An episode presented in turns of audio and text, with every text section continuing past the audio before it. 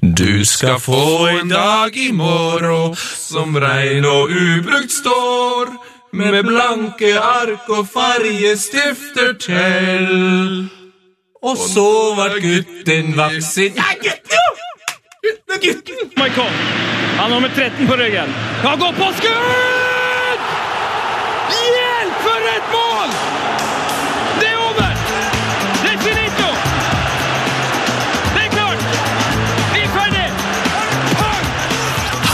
Fotball med Tete Lidbom og Sven Biskår Sunde. Heia fotball! Heia fotball, Tete Berg! Heia fotball, Sven!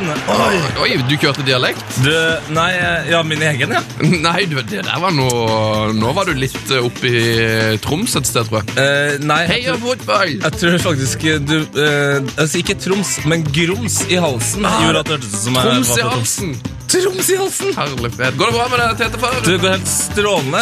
Det er utrolig tidlig på morgenen. Ja, Det vet ikke lytterne. Nei, nei, men det er derfor jeg sier det. Fordi er det nå fredag ettermiddag. Ja. Sitter de For der, oss er det tidlig, og det koser er seg. pent vær ute, altså. Eh, det vet ikke lytterne noe om. Det er derfor jeg sier det. Ja, Temperatur vil du anslå? Sju.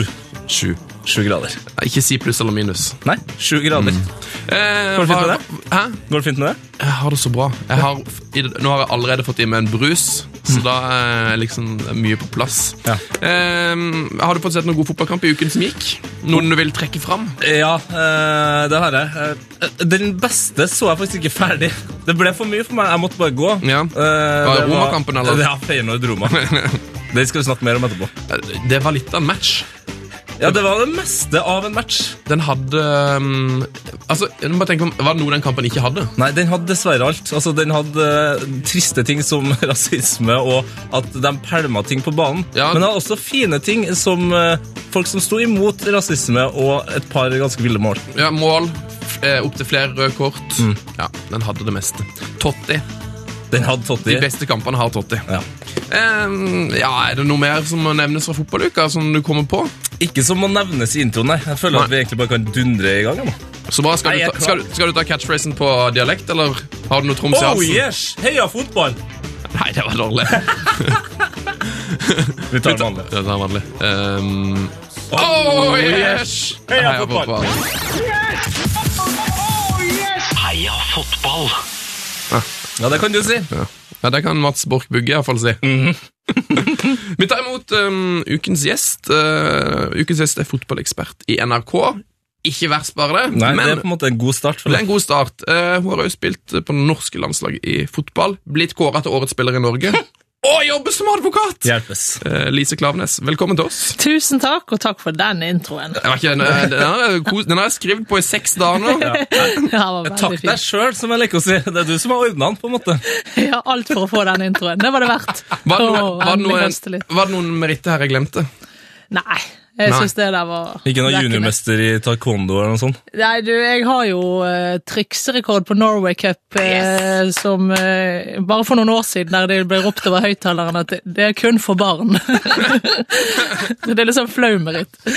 Men jeg visste at jeg måtte vinne en trøye til tantebarnet mitt, og, og lot ska, ja. skammen styre. Så det var for en god sak. Ja, følte det. Uh, uttaler vi Klavenes riktig? Det er jo to s her. Jeg syns det er litt sånn forvirrende. Ja, vet du hva, det er et fleksibelt navn. Man kan uttale hvordan man vil. Det kan jeg, Ja. Og hva er det du, hva er det du pleier å forholde deg til? Hva er det du, hva er det du pleier å gå for, du? Du, jeg går eh, ofte for klave. Klave. Du går Men eh, klavenes eh, og nes og alt er fint. Klaveness. Jeg tror jeg går gå for Til og med klagenes har jeg fått høre når jeg er litt sur på banen. Det går greit. Her har du noen gang trampa i klaveret. Altså, Har du fått den? Eh, Ja, det har jeg vel sikkert, men Ah, fikk du den igjen? det har gått mye på enten klage eller nes med trykk på det, i og med at jeg jo er godt utstyrt på nesefronten. Du, eh, Lise, du jobber som advokat. Mm. I tillegg til, disse, til å jobbe i NRK. Um, hva, går, eh, hva, går advokatjobben ut på? Altså, jeg kan greit- så lite. Just, Hva har går ja, advokatjobben ut på? så, så lite vet jeg. Hva går advokatjobben ut på? Eh, ja, For det første så er det vel sentralt å si at NRK-jobben i tillegg til advokatjobben, for sånn, sånn er og ikke motsatt, for sånn er jo advokatjobben det er, jo, det er jo mye jobb, og øh, man i, i kjernen bistår jo folk som har problemer, egentlig. Eller, så det er rådgivning i, i vanskelige situasjoner. Men det kan være løpende bistand òg for forretningsklienter. Men det aller kuleste og mest spennende er selvfølgelig å gå, gå i retten og få den æren, syns nå jeg, å få representere noen i noe de har investert i og som de syns er vanskelig. Ja, ja, Men altså, er, er det liksom Får du da litt det samme spenningsnivået som når du gikk inn på banen og spilte fotball? Ja, absolutt. Jeg, eh, når jeg på radioen kan vel bruke ordet pissnervøs. eh, Prøver å unngå det i retten, men jeg var det før jeg spilte kamper, og er det når jeg skal i retten. Og også i likhet med når man spiller kamper, så når man kommer i gang, så, så utspiller det seg til sitt eget liv, egentlig. Ja. Eh, Forskjellen er kanskje at på banen kunne jeg i større grad liksom løpe det av meg. Eh, Det går ikke rett. Nei, sant? Og hvis du vet når du er sliten, så tar det overalt. Ja. Så jeg sørget for å bare løpe mye, så forsvant nervene. Og i retten kan nervene sitte lenger, fordi du, du er jo passiv gjerne første del hvis det er ikke du som skal begynne, f.eks. Ja. Så ofte kan det nesten være mer nervepirrende, syns jeg. nå ble jeg nervøs av måten du beskrev det på. Ja, Eh, men jeg er jo plaget med nerver. De forhåpentligvis hjelper meg òg, så noen opplever det kanskje ikke sånn, men jeg, jeg er alltid nervøs når jeg skal snakke foran folk. Er du nervøs nå? Vet du hva, når jeg sitter sånn og snakker, Radio er faktisk det stedet jeg aldri egentlig har kjent på nerver. Jeg har alltid likt radio, for der kan man liksom komme med håret til alle kanter, og bare ingen ser deg. Og, så det er noe med akkurat den følelsen av at noen ser på. Jeg har analysert meg fram til at det er det som gjør meg nervøs. Ikke sant? Blikkene. Ja, det er noe med de der, vet du, de granskende blir litt selvhøytidelig. Det mange jurister som uh, kan uh, gifte, altså, gifte folk. Er det noe du driver med? Altså, jeg var jo dommerfullmektig i Oslo tingrett i, i to år, uh, ja, for to år siden, og i to år, og da, da viet jeg mennesker. Det var en del av jobben, og det må jeg si var kjempestas. Det virker gøy. Ja, det virker, det var veldig gøy. Jeg viet blant annet min, min svoger. Og det endte jo med at eh, vigsleren sto og hulket under seremonien, så du kan jo slå det litt mer løst. Men ja, det, var, det var selvfølgelig en rar jobb, for det er jo ikke akkurat det man har utdannet seg til. men noe folk blir utrolig glad for, for veldig lite innsats fra min side. Så jeg sa alltid ja til det, og har reist land og strand rundt og viet folk. Gjort en har du, hvor mange har du via, tror du? Nei, altså det har ikke, det har ikke blitt uh, utallige, men jeg var en av de som sa ja til å reise. De fleste vil jo gjøre det på tinghuset, men jeg var Ja. en av de som sa ja til å reise uh, litt her og der. Og jeg har vært på Vestlandet og overalt i Norge og viet folk, fordi jeg har tatt det som en tur og syns det har, Men har, har, men har du da via folk på liksom rare plasser? òg? Altså, Ikke bare inn? Nei, da er det jo gjerne i en låve, eller i hagen, eller på stranden, eller sånn. Så, og så skjønner man sjøl at det er utrolig hyggelig hvis noen kan si ja til å gjøre det hvis du skal gifte deg. Ja, ja. Sånn, for du får jo lagt det opp, så da har jeg liksom tenkt at det det hadde jeg aldri trodd jeg skulle gjøre i livet, så det må jeg bare slå til på. Så det var en gøy ting. Så er det jo greit å ha noe å gjøre i tillegg til advokatjobben og NRK-jobben. At man liksom får reist litt Ja. rundt og får fylt opp dagene Ja, litt. man kan ikke bare drive rundt. Greit å, greit å få fylt opp tiden. Nei, så er det hjemme har de vel ikke vært like fornøyd med meg når jeg har Du, vi skal til Møre og Romsdal for å vie et par. Er det greit? Så jeg har ikke tenkt meg så nøye om eh, før jeg har svart. Nei, nei. Det er noen ting må man bare gjøre. Eh, Det er, det er ganske få fotballspillere har inntrykk av som tar seg tid til å ta så mye utdanning ved siden av fotballen. Hvordan, hvordan fikk du tid til det? Eh, nei, jeg, jeg, når jeg ser tilbake, og egentlig på livet mitt nå òg, så er det aldri Svaret ligger ikke i at jeg har analysert meg frem til at oi, dette har jeg tid til, for man har på en måte ikke tid til det. så det er mer eh, litt i forlengelsen av det jeg nettopp sa når jeg sier ja til Vigstad, at du må liksom bare gjøre det, og så må presset styre deg. eh, og, og tidspresset gjør at man må prioritere, og når du da har eksamen, så, så har du nok adrenalin til å bare få gjort det du skal. Jeg var ingen, jeg var ingen sånn eh, som satt og leste fra åtte til fire når det var lenge til eksamen. Det var helt klart skippertak og gamlemetoden. Så fotball var det viktigste i livet mitt under utdannelsen, og utdannelsen var pri to, men jeg hadde det som en sånn klam, eh, klamp rundt foten, for jeg visste at jeg ville ha en utdannelse, jeg visste at karrieren var kort. Mm. Så det var mer en sånn eh, ekkel greie jeg hadde i bakgrunnen, sånn press. Eh, Mens fotball var fristedet. Mens nå når jeg har fått jobb, så føles det eh, Ikke motsatt, for nå spiller jeg jo ikke fotball lenger, men nå, nå er det masse kult i jobben, og jeg føler jo at det var helt klart riktig av mamma å indoktrinere det som jeg syntes var utrolig kjipe beskjeder da jeg var ung. da. Ja, så, det, så mor di var streng? er det for å si? Nei, egentlig var hun ikke det når jeg først ble stor nok til å Når jeg først ble ungdom. Så, skjønte så skjø- ja, da skjønte jeg det. Det, det. det ble indoktrinert i ordets rette forstand. så det var jo heller når jeg var sånn syv-åtte år at uh, mamma var tydelig på at uh, du må gjerne være aktiv andre steder, men du må ha en utdannelse. Og det, det satte seg som en sånn Nesten som du vet når folk er religiøse, så er det jo ofte fordi foreldre har snakket mye med de, de små. sant? Du, det er først når du blir voksen du gjør de refleksjonene. og Jeg tenkte ikke over hvorfor jeg skulle ta en utdannelse underveis. Det, det var bare sånn. Det var sånn det skulle være. ja, det var mamma sin eh, stemme. Men- og, og hun kan være overbevisende, den damen. Du, når eh, du drev på med, det, med den utdannelsen, eh, og samtidig var liksom på landslaget i fotball og, og spilte på høyeste nivå, og, hvordan, hvordan la klubbene til rette for at du skulle få tid til det? Var, var de, spilte de på lag, liksom? Eh, nei, jeg har alltid gjort det sjøl, klubbene. Og jeg har egentlig ingenting å klage på heller, for det har funket for meg. Jeg har villet ha det sånn. Og jusstudiet er veldig lite obligatorisk oppmøte, så, så du kan i prinsippet lese herfra og derfra, og så komme på eksamen. Ja. Men sånn generelt så mener jeg at klubbene i, i Norge og forbundet har lang vei å gå på for å tilrettelegge for, for andre og andre typer utdannelse der det faktisk krever tilrettelegging. Mm. Så, så det er eh, temaet jeg faktisk eh, har engasjert meg litt i, og som jeg syns vi må bli mye flinkere til. For det, fotball tar fokuset. Ja. Når du først er i den, i, på det nivået, da, på, på, i toppserie, eliteserie eller A-landslag og U-landslag, så, så er det det som tar alt fokuset. Det er det viktigste for deg, ellers er ikke du god, for å si det sånn. og da må, da må noen voksne rundt deg, de som du ser opp til, og det er gjerne et fotballtrener eller eh, ledere, de må òg huske på og minne deg på at utdannelse òg er viktig, for det er det. Livet er langt etterpå. Og der, det, det sier man bare. liksom sånn, ja husk, ja, du må jo òg gå på skolen, men, men det legges ikke til rette for det. Eh, og legges ikke opp til noe press der, og det, det bør det. Så jeg opplevde ikke noe negativt rundt det, for jeg var så dedikert sjøl. Det var min greie, jeg skulle bli advokat. Ja. Men, men det fins mange, og hadde ikke jeg hatt den eh, holdt på å si, overbevisende moren, så hadde jeg, hadde jeg garantert ikke vært sånn. For jeg, fotball var viktigst, så derfor tenker jeg at noen noen eh, trenger at eh, fotballmiljøet rundt er tydelige på det.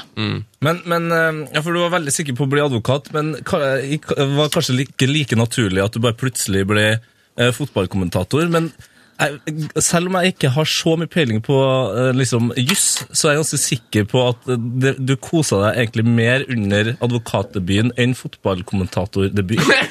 For den hørte jeg var litt sånn uh, traurig.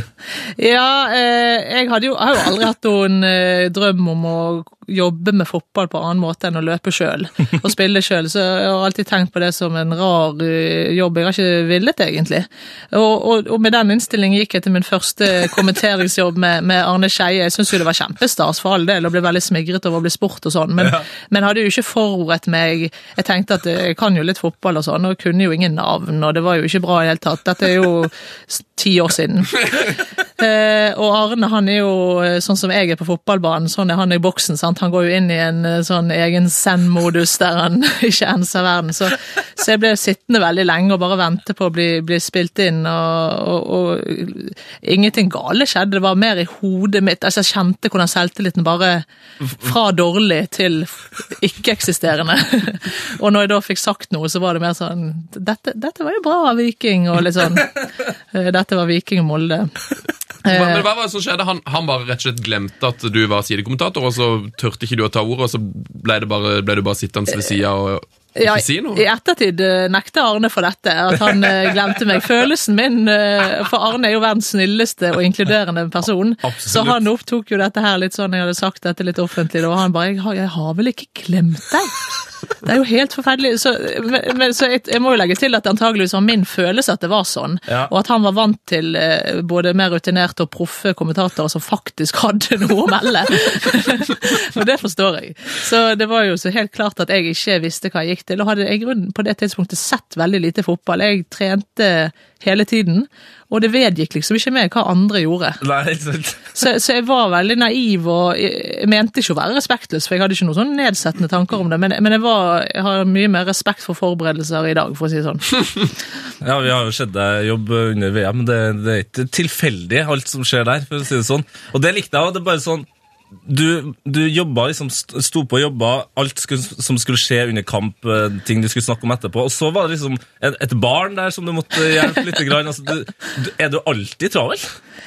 Eh, på grunn av at jeg sier ja til alt mulig, så er jeg det. Men jeg er jo en, eh, er jo en person som eh, liker å slappe av og leke og tulle meg. Så det, det er ikke Jeg håper ikke jeg Jeg prøver ikke å være sånn Iron Woman som har tusen jern i ilden, men praktisk sett så blir det ofte sånn fordi jeg, ting legger seg oppå hverandre. For jeg, jeg sier ja og planlegger dårlig. Eh, Du har jo begynt å jobbe i sportslig utvalg for Lyn. Ja, apropos. apropos. Eh, Hva, hva er det du gjør der? Eh, Foreløpig så har jeg bare vært på ett møte, det begynte jo nå i år. Og tanken er vel det er jo for bredde- og damesiden dette, så, så tanken er for min del å si ja til det var jo selvfølgelig fordi jeg ikke klarer å si nei. Eh, og det var noen som sto på og, og maste lenge nok. Men så òg en tanke om å få se klubb litt innenfra, fra et litt voksenperspektiv. Da når jeg spilte, så var jeg bare opptatt av å få drible mest mulig. Var jo, hvordan de drev den klubben, var jo med meg revnende likegyldig. Men det engasjerer meg mye mer nå, så jeg har liksom tenkt at det kan være fint å se. Og, og eh, tanken er vel at jeg skal være med Truls Dæhlie, Stinging i Bjørneby og noen andre i sportslig utvalg, skal gi veiledning på, på retninger rent sportslig, da. For eksempel eh, man skal begynne å spisse lag, hvordan man skal legge opp treningen for å motivere mest mulig, og utarbeidelse av sportslige planer og sånn, som, som kan bli bare jada jada og babling, men kan òg bli kult, hvis man får det til. Dere er en grei gruppe her, hører jeg. Eh, Stig Inge Bjørnby, Truls Dæhlie og deg. Ja, det var det jeg følte òg, at når jeg hørte at de var med, som jo har så mye mer erfaring enn meg eh, fra den siden av bordet, så, så tenkte jeg det har jeg sikkert masse å lære av. Og jeg har bare vært på ett møte, men jeg fikk jo bekreftet at det, det har jeg. Så jeg er for så vidt glad for, som med det meste, jeg er glad for at jeg sier ja til mye rart. Vi er veldig glad for at du har sagt ja til å være med her. Apropos igjen. Passer jo fint det sånn på formiddagen. Ja.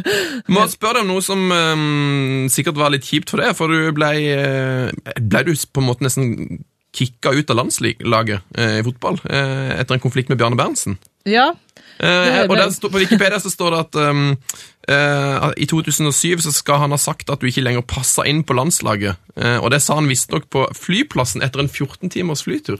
Ja, det, det er riktig. Jeg syns synd på Bjarne, for den historien eh, forfølger han. Nå er det ja, 2007, det er åtte år siden, og selvfølgelig noe jeg har lagt bak meg. Og meg og Bjarne treffes ofte fordi jeg bistår jo Trenerforeningen som advokat. Jeg er ofte på Ullevål og treffer det? han. Du eh, gjør det ja, selvfølgelig. ja, som advokat, altså. Ja. Jeg har et veldig godt og profesjonelt fint forhold. Dette er ikke bare noe jeg sier, dette er fortid. Men, men grunnen til at jeg har snakket mye om det i ettertid, har jo vært at det var en veldig sånn hjørnestein i min karriere. Mm. Det var en knekk og ble helt eh, knust, men jeg følte sjøl at jeg fikk til å, å få si det i en sånn film, hvis dere kan sette på litt sånn ballade i bakgrunnen, så følte jeg at jeg klarte å snu det til noe som gjorde meg mye bedre. da. Jeg ble veldig frigjort etter det. Jeg var liksom ikke lenger redd for å bli vraket.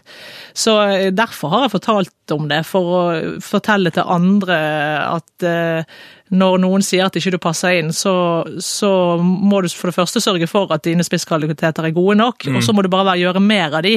For det var det jeg gjorde etterpå. Jeg, jeg, jeg ble jo ikke mer sånn som landslaget ville, jeg ble jo mer sånn som jeg det som motiverte meg da, som spiller. Jeg ble jo mer opptatt av å være kreativ og, og fri fra posisjon og sånn. Ja. Og, og lykkes bedre med det, og kom derved inn igjen i landslaget enda mer som Lise. Så, så, og uten å på en måte ha latt meg eh, ja, moderere. Eh, så det var liksom, det er derfor jeg forteller om det, at det, ble, det var nyttig for meg å slippe det, for alt hadde fram til det hadde blitt veldig halvveis. Jeg ville veldig gjerne være kreativ og drible og være en sånn artig type, samtidig som jeg ville jo òg tilfredsstille trenerens krav, og så ble alt bare halvveis.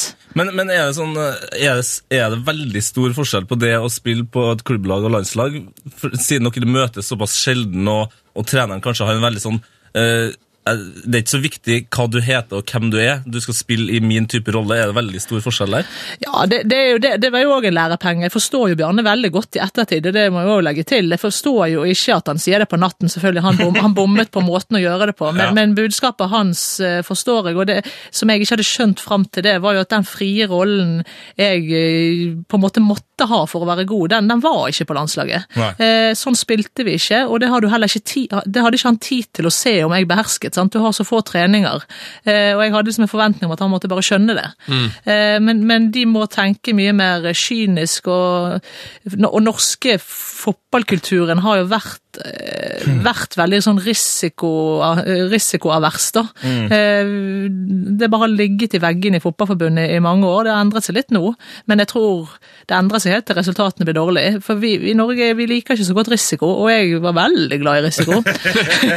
Så så det, det var stor forskjell på klubb og landslag, ja. For på klubb så kunne liksom eh, treneren blir kjent med meg og, og liksom kommer forbi denne liksom nå mister er hun ballen. Ja, til å liksom komme Ja, men hun får jo det faktisk til, og ja, jeg får gi henne litt rom, da. Men det tar jo gjerne en halv sesong med, med trening hver dag for å, at jeg skal Jeg må fortjene den tilliten. Mm. Så det var stor forskjell. Det tror jeg på. Eh, Du la opp i ganske ung alder òg. Jeg var jo 30 da, men eh, det, takk. Ja, er, ikke det- er ikke det ganske ungt for en fotballspiller, da? Ikke på damesiden, egentlig. Du vet, det er jo vi som, eh, i tillegg til at vi løper saktest og hopper lavest, så skal vi òg bære fram barna. Ja, Eh, med kroppene ut. våre. Ja, Ja. det er jo det. Så vi må jo på et eller annet tidspunkt tenke på denne biologiske klokken som skimer i bakgrunnen. Så det er egentlig ikke så ungt, men, men det, var, det var ungt. Eh, Eller det var tidlig for meg å være alle rundt meg. Og jeg husker Roger Finjord, som er assistenttrener på landslag, han trente meg da i Stabæk, og han fleipet jo ofte med at når han når, når han var pensjonist, så spilte jeg fortsatt. Han kunne liksom ikke se for seg at jeg noen gang la opp. Og så la jeg opp innen et halvt år siden etter han sa det. Så det var brått, og, og jeg overrasket veldig meg sjøl. Hvor, hvor- hvorfor la du opp? Jeg har liksom ikke noe eh, klart svar på det. Har, dagen før så var jeg på trening og sto igjen etter trening som jeg gjorde hver dag Oi. med ballnett alene og sto til halv ti og helt vanlig sånn som jeg eh, var og superpatetisk ivrig og alt. Eh, og alle var gått hjem og, og dagen etter jeg skulle på trening så kjente jeg at eh, jeg syntes det var så kaldt og hadde ikke lyst og, og så det hadde selvfølgelig ligget i bakgrunnen eh, hele den vinteren at jeg syntes ting var begynt å bli kaldt og at vi hadde noen litt lange oppvarminger og så begynte jeg å skjønne at nå er jeg i ferd med å gå inn i den der eh, Du vet de som eh, er veldig opptatt av å snakke om at rutine er kjempeviktig. Altså når det er behov for å si det, Ja. da er du på vei inn i en defensiv fase. Og som jeg har sett altfor ofte, at folk bare blir der. Eh, og det hadde jeg for lenge siden bestemt meg for at der skal ikke jeg komme. Nei. Jeg skal bare være superivrig, og så gi meg.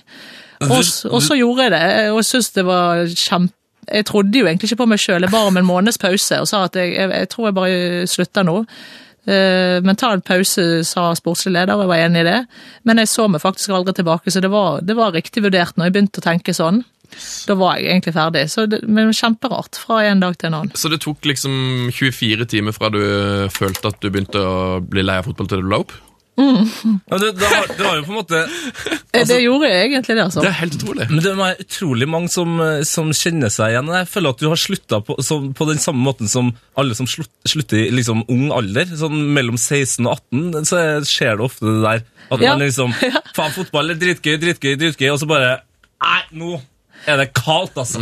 Ja, men du, du, er kanskje, du er kanskje inne på noe der, for jeg begynte jo veldig seint å spille fotball. Jeg begynte som 13-åring og, og, og kunne ingenting, og trente jo mm, dobbelt så mye som alle rundt meg, for å ta igjen folk, selvfølgelig. Jeg fikk en sånn besettelse rundt det. Så jeg var jo ganske ung. Altså, jeg har jo bare spilt og så kom jeg i toppserien som 16-åring, så jeg har i grunnen bare spilt A-lagsfotball omtrent. Så, så, så det var vel omtrent som et vanlig livsløp. Ja, ja. Eh, Det var rett og slett akkurat sånn som du beskriver det. En følelse av at nå barndommen var over, hvis du skjønner. Mm. Jeg, jeg hadde en forventning om å glede meg grenseløst hver dag, og, og jeg så aldri på det som en jobb, og når jeg gjorde det, var jeg ferdig. Eh, Og, til, og tilfeldigvis var det Jeg var 30 før jeg så på det sånn. Men du sier at du, at du trente dobbelt så mye som de andre, så tenker jeg sånn, ja, kanskje du er sånn typisk sånn treningsprodukt, men det tok tre år fra du begynte å spille til du var i, i toppserien. Du må jo ha hatt et eksepsjonelt talent, da. Nei, jeg ser helt klart på meg som et treningsprodukt like, likevel, fordi eh, jeg var ikke noe eh, når jeg begynte, så var jeg talentløs.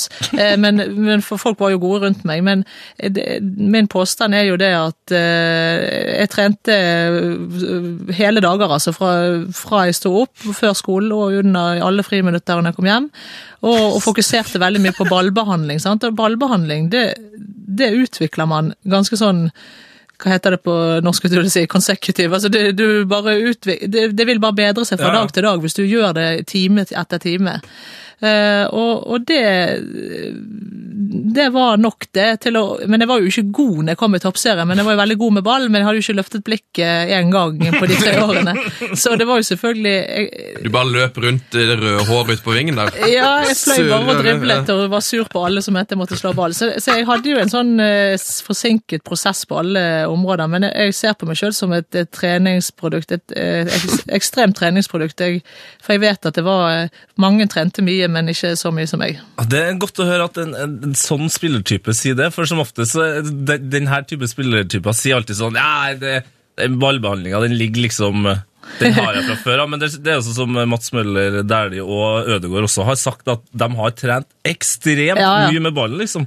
Jeg ser, på, har jeg ser på Martin Ødegaard, dette vet jeg ikke om jeg er rett i, men, men jeg har jo hørt faren hans si det, og vi må nesten tro han på det. Mm. Han sier jo at Martin Ødegaard ikke Det er ikke talentet som har fått den der, men, men treningen. Og jeg tror at eh, det, det, det Sånn er det, altså. Han, det, det, han er nok den eneste i Norge som har trent så systematisk med en far som er så flink til å følge opp Mm. akkurat de punktene, og en onkel som er en av de beste fysioene til å følge opp liksom aldersbestemt utvikling, hvordan du faktisk skal trene på det og det stadiet. Og den kombinasjonen tror jeg faktisk er enestående i Norge, og ergo så er han den beste. Eh, selvfølgelig òg, han er ikke noe antitalent, men jeg tror at svaret ligger i at han har den kombinasjonen der, den er unik, og at han har trent og jobbet for dette, og med et kall det støtteapparat rundt seg, som de fleste av oss ikke har. Sant? Jeg hadde jo en kjempeivrig og god far, men det var jo ikke noe Det var jo mer sånn Skal vi ta grisen?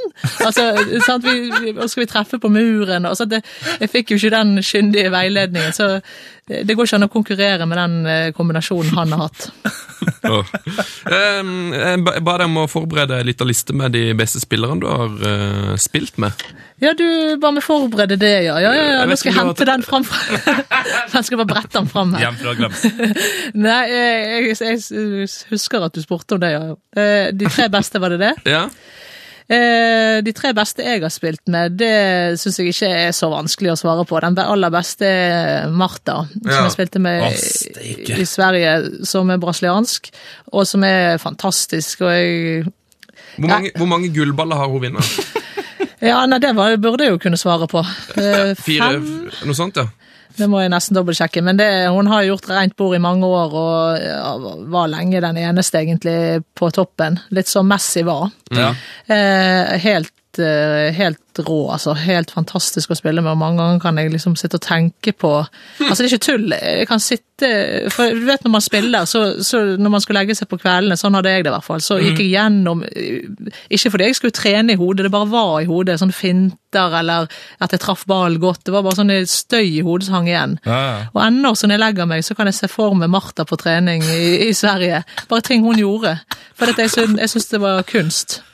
Faen, jeg, jeg husker jeg så et eller annet verdensmesterskap, og da, jeg tenkte bare sånn Hun gjorde for meg det samme som Ronaldinho gjorde med Ja. herrefotballen. At, at det var bare sånn Hun, hun putta liksom så mye glede inn i, i spillet sitt. Det er bare, bare artig. Ja, og hun er jo, hun er jo et, som, akkurat som du sier, Ronaldinho, som er min favorittspiller òg, gjennom alle tider. Og det, det er sånn glød, og, og det, det, akkurat det handler ikke om å begynne som 13-åring å trene masse, det kommer fra Gud. Det er der fra starten av. Martha, Martha levde liksom ut noen følelser jeg aldri fikk jeg ble aldri så frigjort. Jeg ble ikke så god at jeg kunne være så frigjort eh, i fintene mine som hun kunne være. Men så jeg levde liksom ut gjennom, gjennom Martha. Men hvordan, hvordan var hun som person da, når, når liksom hun lever fotball så uh, inni hampen mye? Nei, hun, hun jo ikke, trente jo ikke i nærheten så mye som meg, så dette er jo et menneske som uh, trener selvfølgelig og jobber, men, men sikkert som Ronaldinho har fått det fra Gud, som sagt. Og, uh, bare, det er en selvfølge for henne. Hun er veldig beskjeden, rolig, tilbaketrukket person. Eh, I motsetning til de fleste brasilianere. Vi hadde jo flere på lag, og de er jo veldig sånn outgoing, eh, danser hele tiden. Eh, Kulturen er jo dødskul, spør du meg. Men Martha var den beskjedne av de. Veldig mediesky. Ja. Så jeg tror hun syntes livet som best i verden egentlig var litt tøft, fordi hun er jo så beskjeden. Det var slitsomt, rett og slett. Ja, hun likte jo ikke å snakke foran folk, og så ikke på seg sjøl som et forbilde, noe hun jo åpenbart var. Typisk. Typisk. Eh, Hvem er de to neste på lista her, da? Eh, og så vil jeg faktisk si Karoline eh, Graham Hansen. Eh, hun har selvfølgelig enda mer å gå på, er jo pur ung, men eh, helt klart eh, det største talentet jeg har spilt med, og føler på en stolthet over at hun kommer fra Norge, og at hun skal representere oss i årene som kommer. Helt fantastisk talentfull. Dere har spilt sammen i Stabæk, eller? Ja.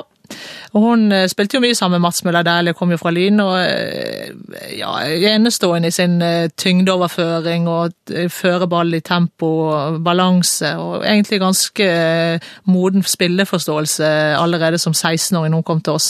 Så hun har potensial til å bli aller best. Tror du hun kan bli best i verden? Ja, det, når Martha legger opp, så tror jeg det er duket for Karo, hvis hun holder seg skadefri, og er litt sånn Martin Ødegaard over hun òg. Det er bare at damesiden går jo under radaren. Det er klart Martin Ødegaard er det største talentet vi har hatt på, dame, på herresiden. Ja. Men eh, Karo er et vel så stort talent på, på damesiden, så vi har to av eh, verdens største talenter i Norge nå, og det er ganske kult. Det er spesielt. Og, eh, og Karo har en sånn hun har en, eh, Jeg liker personligheten hennes. Hun har en veldig sånn eh, De gangene jeg eh, hører henne snakke eller hun er på intervju, og sånn, så hun har noe, noe ekstra utover det å være en god fotballspiller òg. Ja, hun er jo en veldig fin person og god jente å spille med. Jeg husker en kamp, øh, hun, en av første kampene hun spilte, så hun, hun, hun er jo stille og rolig hun òg, men hun tar plass ved at hun på en måte er selvsikker. Så tror jeg en situasjon hun liksom 'Lise, der må du spille ballen!' og jeg svarte, jeg var jo 90 år og sjefen på laget, så jeg bare 'Der, Karo, holder du godt kjeft'. og det var selvfølgelig helt usaklig av meg å si, og angret jo på det etterpå, så jeg gikk liksom litt bort til henne og 'sorry, Karo', altså, jeg, var, jeg er bare ræva sjøl, liksom. Og, og, og hun slapp av, herregud, skjønner jo, jeg skjønner jo det at dere eldre ikke liker at vi, at vi yngre pirker på dere. Men du dro, Veldig sånn uh, selvsikker, da. du dro den uh, eh, sammenligninga med Martin Ødegaard og med Real Madrid, og nå er hun i, i Wolfsburg. og hvor, hvor bra er den klubben der? Nei, det er jo Champions League-vinnere og en av de beste klubbene på, på damesiden, så Og hun gjør det veldig bra der. Så jeg har jo hold i at hun er en av verdens beste spillere allerede, og i hvert fall eh, kanskje det største talentet. Nummer tre på lista. Nummer tre, ja. Det burde kanskje vært eh, nummer én, men, men det er mer sånn fortid. Se litt tilbake. Jeg har tenkt litt sånn den aller beste, det største talentet, og den som var aller best før. Og den som har vært med å forme fotball, og det er helt klart Hege Riise. Oh. Som eh, Jeg kan bli litt trist nesten når jeg snakker med folk, når folk eh, hører det samme om jeg sier Hege Riis, Gro Espeseth, Heide Støre. Det er liksom bare folk som har spilt fotball. Men Hege var jo genial, og den, eh, den mest geniale spilleren eh, på, på damesiden den gang. Og jeg har egentlig ikke funnet noen etter hun heller som, som har de kvalitetene. Så Karo og Martha, dette her er jo kunstnere og driblere og kan skape ubalanse hvor som helst. Men Hege var jo, var jo eh, maktsenteret på banen, playmakeren, den som hadde øynene i nakken, og som ikke løp fortest, ikke hoppet høyest. Gjorde det på nedre halvdel på alle fysiske tester, men var bare best når det gjaldt. Så eh, en sånn genial eh, midtbanespiller. Høres var sånn litt, litt Pirlo. Ja, litt sånn. ja, helt klart Pirlo. Det har jeg sagt mange ganger. De minner veldig om hverandre. Veldig rolig og stille, og jeg kan ikke skjønne hvordan man kan være så god med så lite temperament. Det dreper jo alle teorier jeg har, men aldri sett henne sint. Men bare akkurat som hun følte rytmen i, i spillet. Så det var fantastisk å spille med Hege. Litt irriterende òg, for man tenkte jo liksom Hvis du markerte Hege, da, jeg fikk av og til ansvar for det hvis vi spilte mot henne, så ja, jeg har full kontroll, liksom. For hun er ikke sånn som løper etter ballen. Og nå har ikke hun vært borti ballen på et kvarter, nå har jeg full kontroll. Og da begynte jo jeg å bli ivrig og forsvant. Ja. Og da eh, slo hun gjennombruddspasningen eller skårte. Så en sånn som, sånn som bare har tålmodigheten i, i eie. Åh, Det var rett og slett en helt rå topp tre-liste. ja, det var det. Det var bare gull på alle hyllene. Ja, ja det er tre. De er førsteplass på hver sine, i hver sine kategorier, vil jeg si. Heia fotball! Oh, yes! Jo, god fredag. Eh, Vi har besøk av Lise Klaveness, og eh, vi har en eh, litt sånn rar tradisjon her, Lise, eh, med at vi trynemikser gjestene våre. Jeg vet ikke om du har hørt om dette konseptet? Nei. Vi pleier å ta gjestene våre, og så legger vi fjeset deres inn i Photoshop, og så matcher vi det opp med en fotballspiller. Ja. Ja, du har fått et bilde på mailen din nå. Eh, Jeg håper du har med deg den. ja. Skal vi se her. Skal du få se. Eh, Du som hører på, kan også stikke inn og se det her. Det ligger ute på vår Instagram. P3 Heia Fotball heter vi der. Hva er det du ser for noe her? Eh, der ser jeg det Michelise Klavenes. Det var veldig gøy. Du har fått eh, lange, svarte håret til Martin Demichelis. Ja. Ja, det, jeg, jeg føler det er bra vi valgte den før han klippet seg. Altså, Han hadde en bra sveis der. Ja, jeg, jeg håper jeg òg har fått litt av skjegget hans.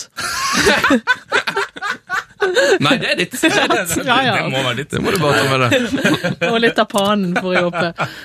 Ja, er du glad du eh, kunne ønske du så ut som denne personen, eller er du fornøyd med det, det utseendet du har? Du, eh, jeg er ikke spesielt fornøyd med det utseendet jeg har, men jeg ser jo at det kunne vært verre. Så det er en slags uh, selvtillitsbyggende spalte der. eh, Ja. Ja, ja, det er helt konge der. Ja, ja, ja. Nei, det, det går innenfor det politiske korrekte, det å ta kvinnelige fotballspillere og gjøre dem til menn. Ja, men du er ikke alene med meg. Takk for det. Eh, Vi har hatt, Når Karine Olseth var her, så var hun Karin Arni. Ja, hun er ikke en kvinnelig fotballspiller, hun er bare en kvinne. Jo, hun har spilt fotball, jo! Ja, men Ikke så veldig høyt opp. Jeg fikk inntrykk av at, at uh, Du har et stort talent, tror du jeg. er god. det, er Karina vil at folk skal tro. Er det ikke sant? Nei, det Hun påstår hun har et beryktet skudd, men jeg har ikke sett noe til det. Åh. Nei da, det var kult. Jeg, eh, jeg kan jo ha det som et alternativ til operasjonen operasjon hvis det skulle bli nødvendig. Ja, Ikke sant? selvfølgelig. Det er bra vi kan hjelpe med noe. Jeg har jo alltid sagt til folk, for jeg har jo langt hår, og folk har vært sånn Du må jo rette håret. Det er jo er kult å se deg med, med stritt hår, og nå, nå ser man hvorfor jeg unngår det. Ja.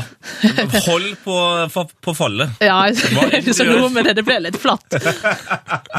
Men eh, jeg- jeg kan love deg at hvis du går inn på Instagrammen vår, eh, Lise, så kommer du til å se mye verre ting enn det her. Nei, jeg er godt fornøyd.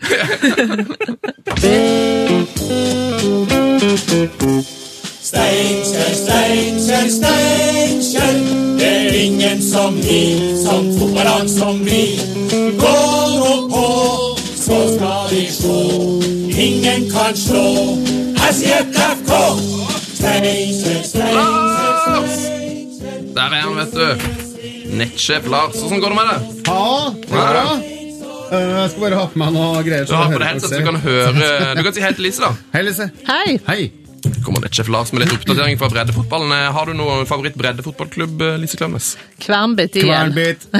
Kvernbitt i hjel, det visste jo selvfølgelig Lars, ja. Hva er Kvernbitt IL? Det er min barndomsklubb fra Nordhordland. Wow. Hva, hva er de gode, Lars? Har du noe info på Kvernbitt her? Nei, jeg tenkte jeg skulle spørre Lise om det. Det, nei, de er ikke gode, men de har et beryktet oldboys-lag som eh, der eh, det er livsfarlig å være med, og det skal ikke stoppe engasjementet, men ferdighetene ja, Nå har de fått Trond Egil Soltvedt, faktisk, til, til oldboys-laget. Vi har vervet han. Så det kommer seg. ja dæven, da er jo et knallag med en gang. Og Ja. ikke minst utrolig bra informasjon til, til breddefotballspalten. Ja. Eh, Har du noe mer å by på, Lars?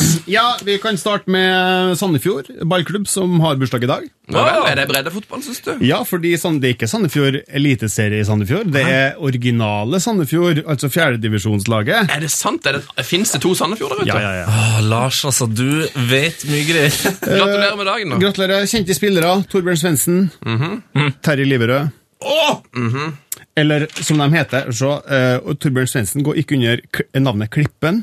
Jeg, vet dere navnet på kallenavnet til Terje Livre, eller?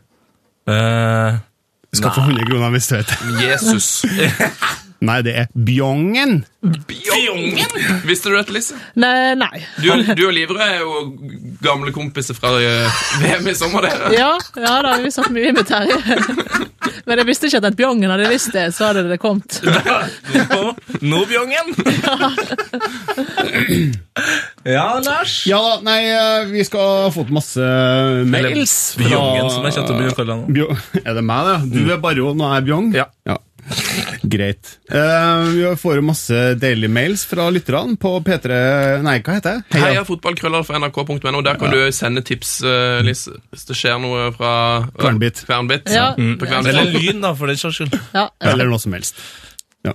Deilige mail eller de daglige mail? Delemail. Ah. Ok. Eh, vi har fått en e-post her fra Åsmund Orrestad. Hei, Åsmund! Fotball, Åsmund. Heia fotball. En lang mail. Jeg skal lese opp bare litt av den, men han sier breddefotballspalten deres er helt fantastisk, spesielt for sånne som meg, som labber rundt på altfor dårlige baner nede i divisjonene. For han spiller nemlig på Korsvoll C i 7. div. Å, Å, hjelpes. div, det er mitt Det er en favorittnivå. altså. Ja, det er jo det er, det er bredt. Ja. Det er bredt. Uh, og så sier han Jeg skal være så ærlig å si at jeg nok er en av de dårligste backene, skråstrek stopperen i divisjonen. Ja. Uh, noe som sier sitt når man vet at backer sjelden er stjernespiller på laget. Men det som er poenget hans, da, og det, det som er viktig, han får jo masse spilletid. Ja. Han, Selvfølgelig. han er en dårlig back, men han spiller jo hver kamp. Ja, han er jo en av de dårligste Han er faktisk en av Norges dårligste uh, spillende fotballspillere, da, mest sannsynlig. Mest sannsynlig. Men se på den lange mailen, da. Han er ikke så dårlig. Han har god tid til å skrive blant all spilletida. Og så, Jeg syns det er et viktig poeng at han får å spille fotball. i hvert fall. Ja, det er sant. Eh, men så er det en kjempelang mail som jeg bare skal hoppe over. Men det han eh, sier Det jeg egentlig ønsker, er at Ikke flir. Det jeg egentlig ønsker at dere skal ta opp, er spørsmålet rundt uh, hvilken spiller i breddedivisjon som uh, ville passet best i Segunda League. Oh, I Segunda Da vår favorittliga. ja, da med tanke på hvem som får flest kort. Ah, Det høres jo ut som uh, vi må tilbake til Kvernbit Allboys, da. Ja, Ja, der er det mange kandidater, hvis jeg skal gå på uh, hvem som ville fått flest kort. Uh, da vil jeg uh, introdusere en som heter Svein Flatøy, en, eh, en legende i Kvernbits Allboys eh, historie. Eh, som alle som er fra Nordombrunet, som vi sier, nord for Salhusbroen, vet hvem er. No, ah, jeg liker nord for Salumsbruen, ja. Sal Salhus. Salhus. Stian ja. Blipp er fra Salhus, vet du. Nord, Nordombrunet. Det er der jeg kommer Nord om Brune. Det er det. Ja, jeg skal ta en geografi-halvtime etter podden her nå, ikke jeg? Han, eh, Mister Åsmund spiller inn da følgende mann. Eh, Korsvoll CS egen Johannes Blåstærnes, som siden 2008 har skaffet seg 66, gu- 66 gule og 7 røde kort på 144 kamper. Det er greit. Det er jo nesten annenhver, det. Ja, det blir fort det. Ja, det er det er jo- knallhardt. Det høres ut som skåringssnittet til Messi i en hel sånn passe sesong. Til sammenligning har jeg sjekka bare nå i Premier Leagues historie, så har Gareth Barry 104. Men eh, det er jo på 552 kamper. Så det er jo Fikk du mye kort i din karriere, Lise? Eh, Ja, avtagende grad. Eh, De ja. første årene i toppserien fikk jeg veldig mye. Eh, Mye for sånn eh, sparking av vekk av ball etter at dommeren Ja. blåst og sånn. Ah, dommeren tar feil. Ja, så bare at jeg var veldig energisk og klarte ikke å holde kontroll. Ja, altså, det er ikke noe rart at advokaten har en uh, rettferdighetssans. Ja, nei, men jeg vokste til, og i slutten av karrieren fikk jeg nesten ikke kort. Men i begynnelsen var det faktisk ganske mange, og måtte stå over hist og pist. Vi Gikk gjennom en læringskurve her. Helt klart. Gule Lise. Lise så såret. Hvor mange røde fikk du? Jeg har hatt, jeg har hatt faktisk så mange røde at jeg, så det er ikke sånn jeg, jeg har jo helt sikkert kunnet telle de, men det er ikke bare to, for å si det sånn. Så det var flere. Eh, Og sånne idiotiske. Jeg husker en dommer sa en gang at hvis du sier ett ord til nå, så får du kort, og da hadde jeg ett fra før. Og da var jeg i den alderen og i den stemningen at når noen sa 'hvis du sier', så jeg skreik jo ut et ord til. Og et ord! Ja, et ord! Jeg tror jeg bare skreik. Rett og slett et utrop og måtte gå i garderoben. Ja, det, Jeg har et stoltere øyeblikk.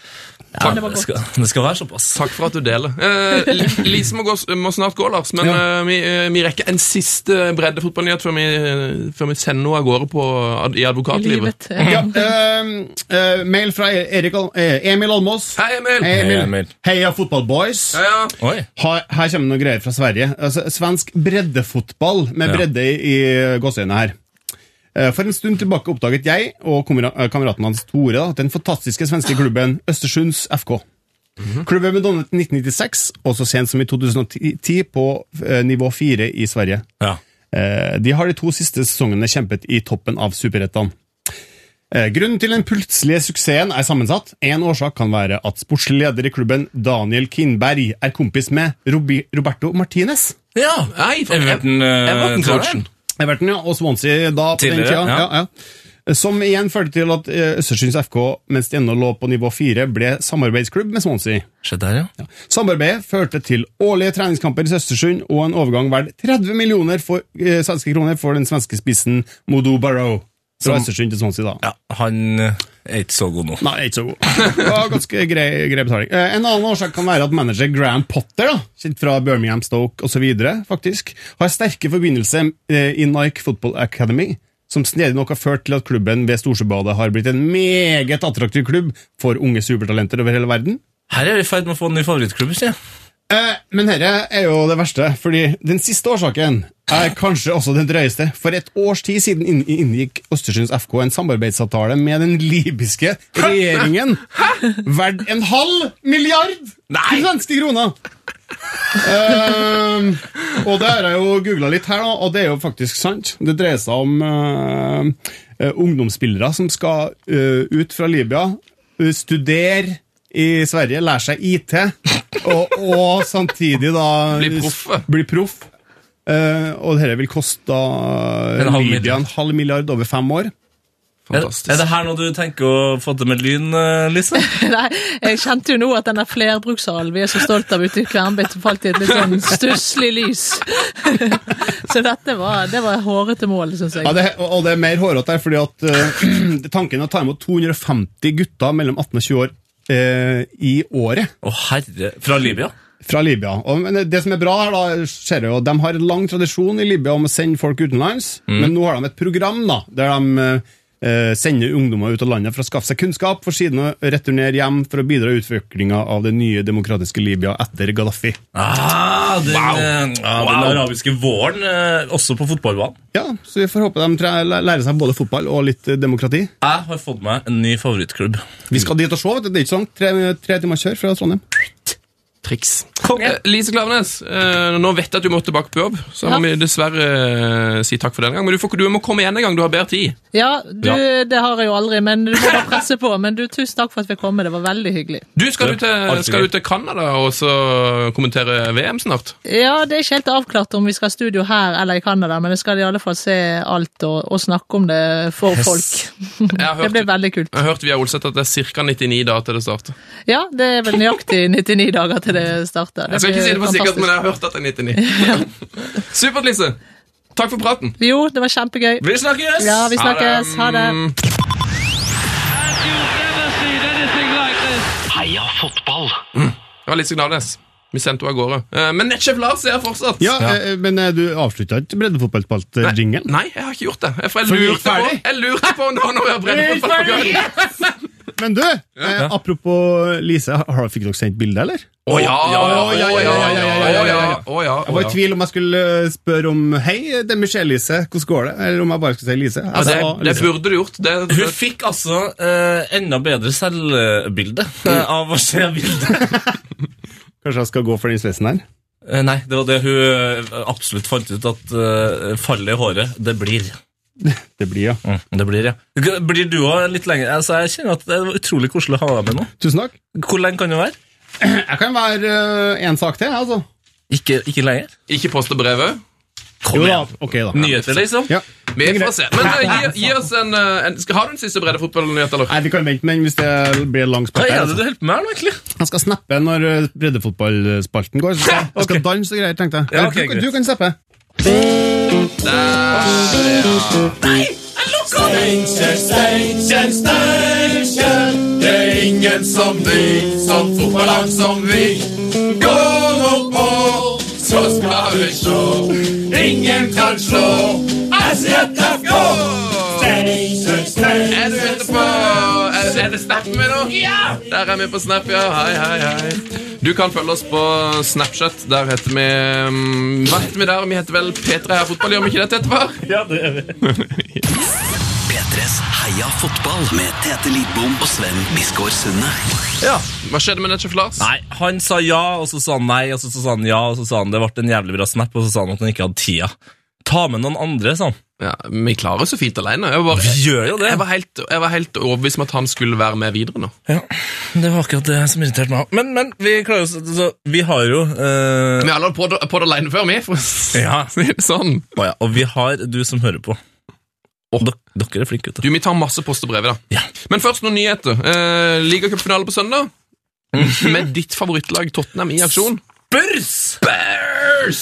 Ja, ehm, jeg var jo sammen med deg og vår, våre, våre aller fasteste fotballseerkompiser her. Eh, fagmann eh, Ambroses Og Netchef Lars. og nettsjef Lars Ja. var så kamp i går. Ja. Eh, Ambroses og Lars veldig opptatt av Liverpool. Mm. De satt og så på det.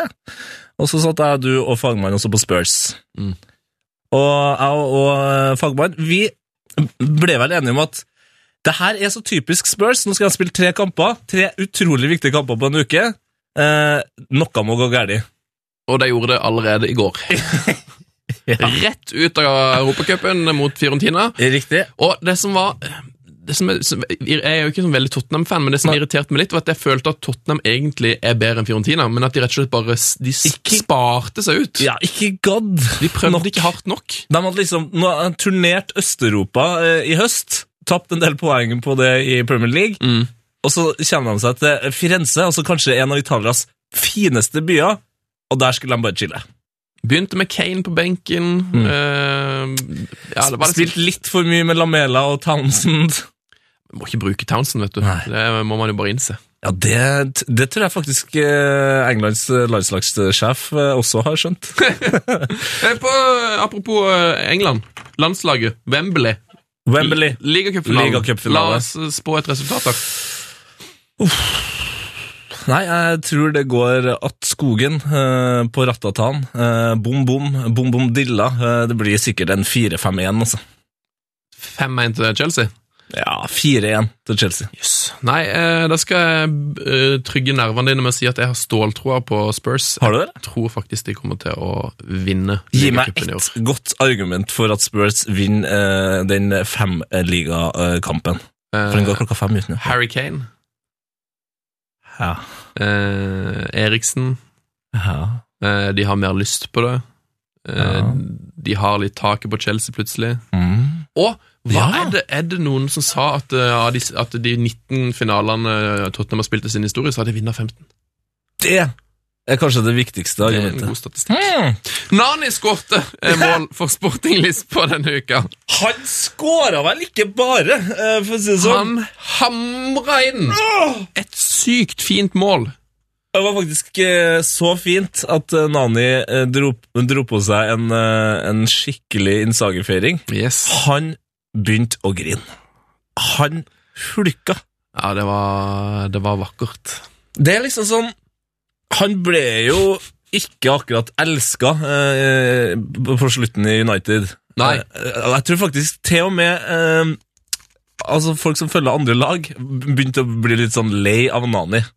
Nå, gutten, må du ta deg sammen. Mm. Kom deg bort. Så gjorde han det.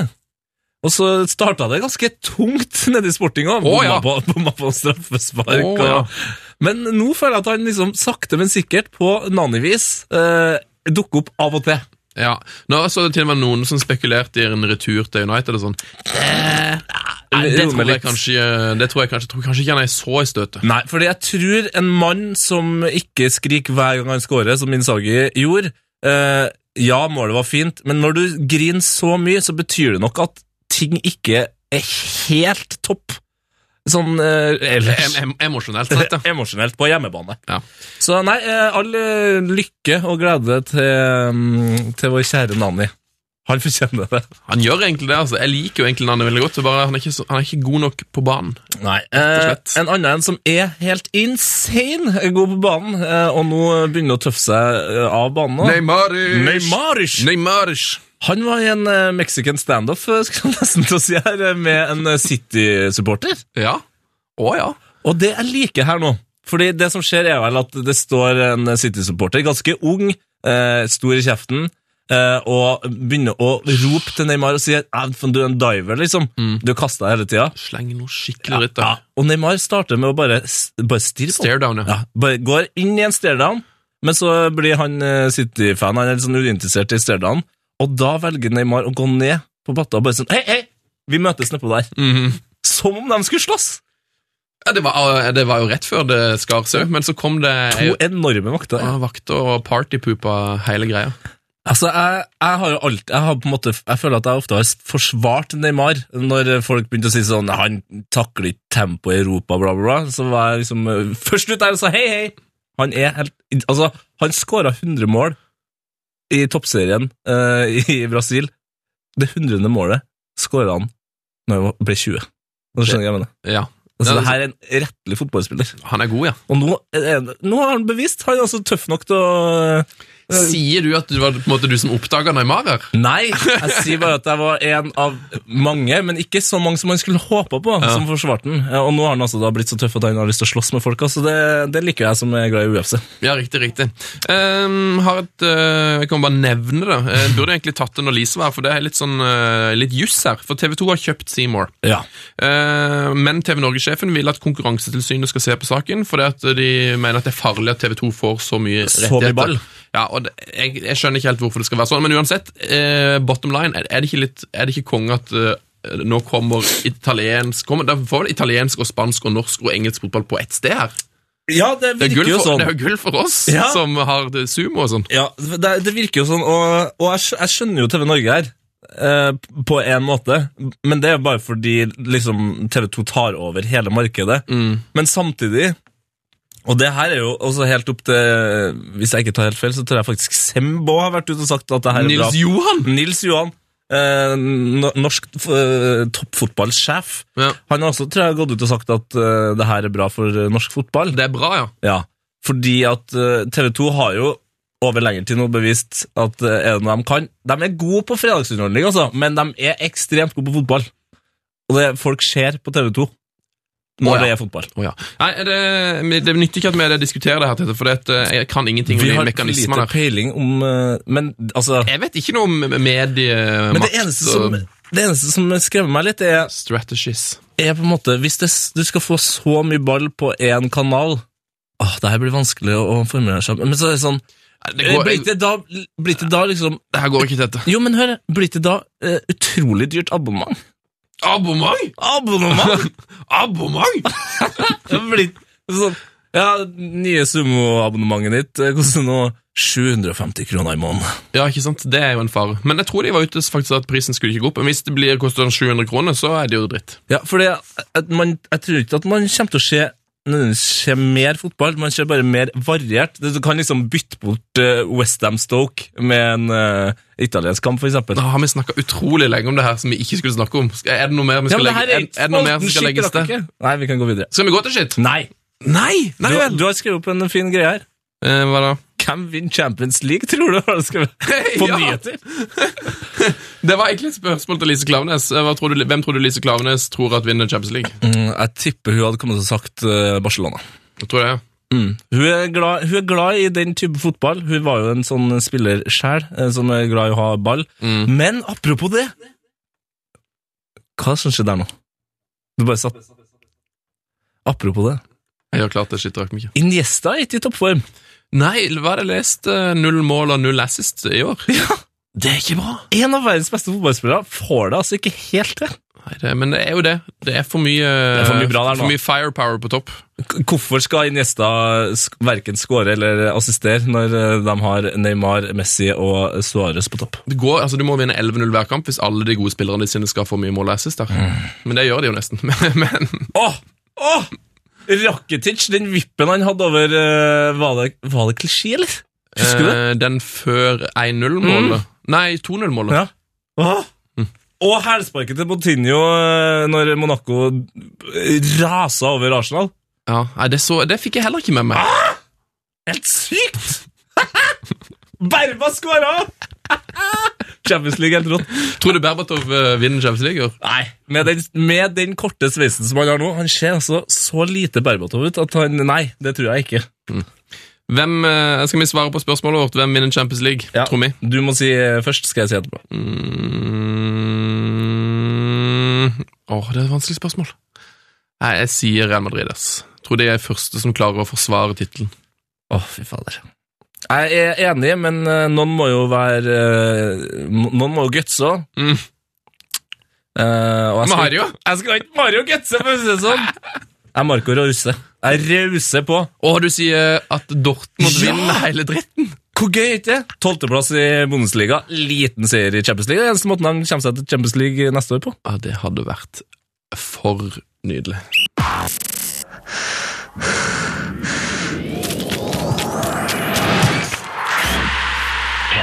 Heia fotball med Tete Lidbom og Sven Biskår Sunde. Nå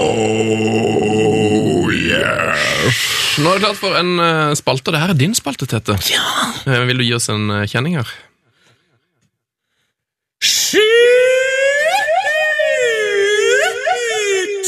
Det rakk vi ikke. Velkommen til Skitt og rakk Mikke. Yes! Rakk ikke å snakke om at TV2 har kjøpt Seymour. Ja, vi har snakka om det. Vi har snakket om det. Shit, vi rakk ikke å snakke om at fotball eh, Nei, du, jeg starter på nytt igjen. Gjør det! Ja, Er du klar? Yes. Mm, ok. Shit, vi rakk ikke å snakke om at futsal-Ibba, Enga-Ibba, sist kjent som toppskårer for Bodø-Glimt-Ibba, nå tjener fem mill. i året i Kina. Å, herregud. Shit, vi rakk ikke å snakke om at andungen er tilbake i form! San Paulos Alexander Pato skåra to i Copa Libertadores denne uka her. Blant annet en saftig volley. Han er visstnok eh, nå eh, Hvor er resten av Skitterakvik her? Han er visstnok i hvert fall eh, linka til Tottenham, sammen med Leandro Daimao. Damjau. Hvor mange ganger har han blitt linka til Tottenham? De nei. to spillerne til sammen. Nei, ja, Damiao bare alene har vi vel oppe på en sju-åtte ganger nå. Ja. Hvorfor ga du meg det arket der, egentlig? Nei, jeg bare ga deg et ark hvor jeg trodde du hadde noe skitt rakk meg ikke på. Men Nå er det så lite skitt med der, men jeg fant det her. Vi rakk ikke å snakke om at ungdomslaget til Anderlecht slo ikke bare fjorårets Youth League, altså Kidstads eh, CL, eh, vinner Barcelona, men satt ungdom Champions, eh, Champions League-tilskuerrekord med fyrige 12 871 tilskuere! Warm hand to the warm hand, som jeg liker å kalle det. Klapp, klapp. Shit, jeg rakk meg ikke! Shit, vi rakk ikke å snakke om at uh, siden duden i Jesus-kostyme dukka opp eh, på Anfield, så Nei da, fordi Liverpool har tapt! Tapt i går, vet du. Ja, men de tapte på straffekonk. De tapte Det gjorde de. etter 90 minutter. Ja, men Siden han Jesus-duden kom med, med plakaten 'Brendan, I got your back', så har altså Liverpool tatt sju seire og tre uavgjort. Jesus. Jesus. Siste uh, skytterrakevikke i dag, den er vill, altså. Er du klar? Jeg er så klar, jeg. Hibernians, altså det er en av mine favorittklubber pga. På grunn av det idiotiske navnet. Hibernians. En 19 år gamle spiss Jason Cummings er utestengt fra McDonald's. Ikke for overspisning, men for muffinskasting. Spørs om han uh, kømmer seg over det. Ikke bare å kømme her og kømme der. Skal vi kømme oss videre, mon tro? Jason Cummings. Um, Muffinkasteren. puh.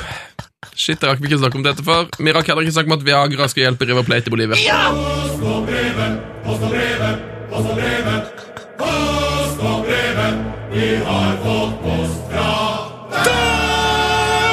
Yes! Nå, I dag har vi fått så mye post og brev.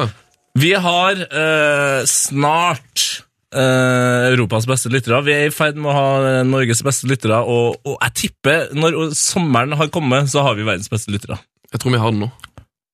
Ja, Du er mer positiv enn meg. Jeg digger dere, men litt, et lite steg til nå, så er dere verdens beste lyttere. Hørt på den bunka. Jeg tror jeg har ti brev her ennå.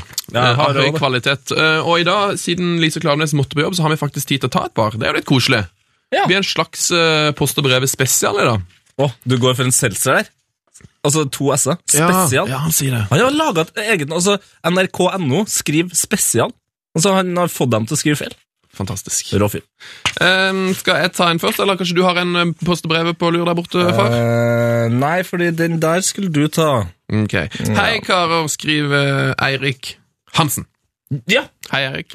Jeg har lyst til å blåse liv i deres tidligere diskusjoner om regelendringer i ja fortsett å gjøre det, folkens.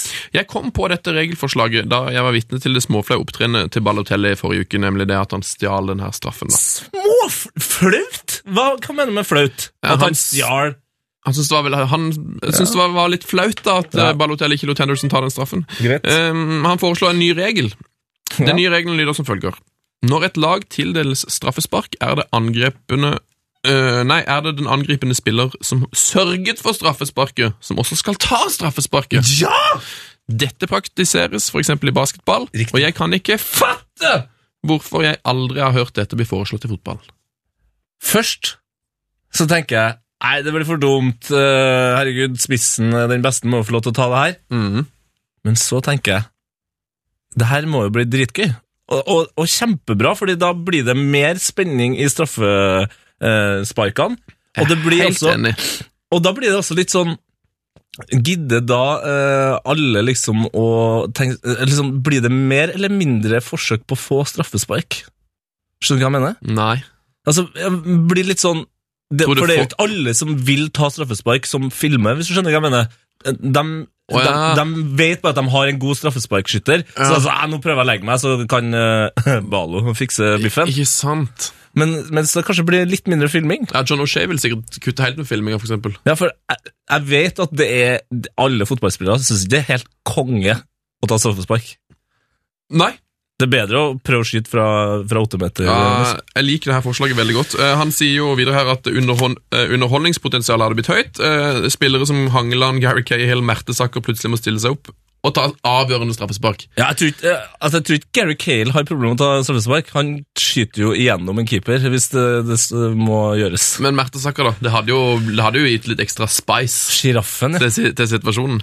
Um, og så har han et annet godt poeng her òg, for han syns det at eh, noen spillere får jo ufortjent mye mål på toppskårerstatistikken. Hvis eh, hva hva han skriver Costa versus Aguero. Aguero har skåret fire av sine mål fra straffemerket. Riktig. Er- Da virker det som Aguero skårer mer mål enn Costa, men han tar egentlig bare flere straffer. Du, jeg liker den. eh, Den er bra, Ja, det er et dritbra forslag. Oi! Helsike! Helsike! Nå har vi fått en lang mail her. Den kan jeg ikke ta nå. Ikke, den er for lang. Ok, mm, jeg tar den her, jeg. Vi snakka jo om eh, Premier League, altså drømme-Premier Leaguene. Ja! Sist pod med Torkel og Sven. Nei, Torkel og Ken. Ja, Vi plukka ut uh, 19 lag som vi mener absolutt må være med i en perfekt Premier League, hvor vi annet har flyttet opp uh, Leeds og uh, setter liv igjen i god gamle Wimbledon. Riktig. Men vi plukka bare ut eh, 19 lag, for vi vil at dere skal være med og plukke det siste. Ja, og vi har fått bl.a. fra Sjur Start, altså Hei, Sjur. Heia Sjur, altså en av våre fast, fasteste lyttere, jeg vet ikke hvor fast han er i fisken, men også eh, Sigbjørn Sakseid har sagt Norwich, eh, og jeg kan forklare, eh, eller videreformidle argumentene til Sigbjørn her. Jeg mener Norwich skal være med fordi 1. Åge Hareide, 2. Kasper Wikestad blir enda gladere, 3. Norwich er Englands fineste by, subjektivt sett. Har du vært der, eller? Jeg har bare vært i London, Liverpool og Manchester, jeg tror jeg. Ja, jeg har vært i London, Manchester Nei, Newcastle. Jeg har bare vært i London og Newcastle. Jeg. Ja, Jeg har vært i Skottland. Jeg har vært i jeg har Brighton. Jeg har vært i Brighton. Og der skal det være fint! Der er det veldig fint. Fine strender. Fine strender. Og så har jeg vært i Southend. Jeg har vært overalt. Du har vært overalt, du. Herlig fred. Brighton er forresten veldig bra eh, hardcore-miljø. Men eh, nok om det. Og eh, Du, du må ikke slutte å snakke om musikk til dette. Det er Nei. veldig bra. ja, eh, fjerde eh, argumentet er ingen andre klubber i Norfolk- Norfolk-området. Mm. Ja, enig i det. Eh, Har du fått noe mail om eh, noen andre klubber? Ja, eh, det er vel Magnus her som foreslår Crystal Nei, er det Fors- er det Forsi? Det er Forsi. Magnus en av- Forsberg. En av, også en av våre fasteste Hei! lyttere. Han skriver hei, boys. I siste episode inviterte dere til å fortelle hvilket lag som fortjener den siste plassen i Premier League. Riktig. Fasiten er rimelig enkel. Den siste plassen i Drømmeligaen må forbeholdes Crystal Palace. Eh, jeg er sikker på at etter en grundig gjennomgang av de fem, fem følgende faktorer vil dere, som de svært beleste og kunnskapsrike fotballsupporterne dere jo er, være enig med meg. Ser han har brukt en del capslock her, og altså den helt nederste linja er faktisk bare capslock, så nå er jeg spent.